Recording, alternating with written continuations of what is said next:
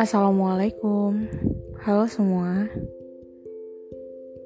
Kalau hari kalian hari ini terasa berlalu begitu saja dan tidak sesuai dengan ekspektasi atau rencana yang sudah kalian buat, masih ada orang yang harus kalian ucapkan terima kasih.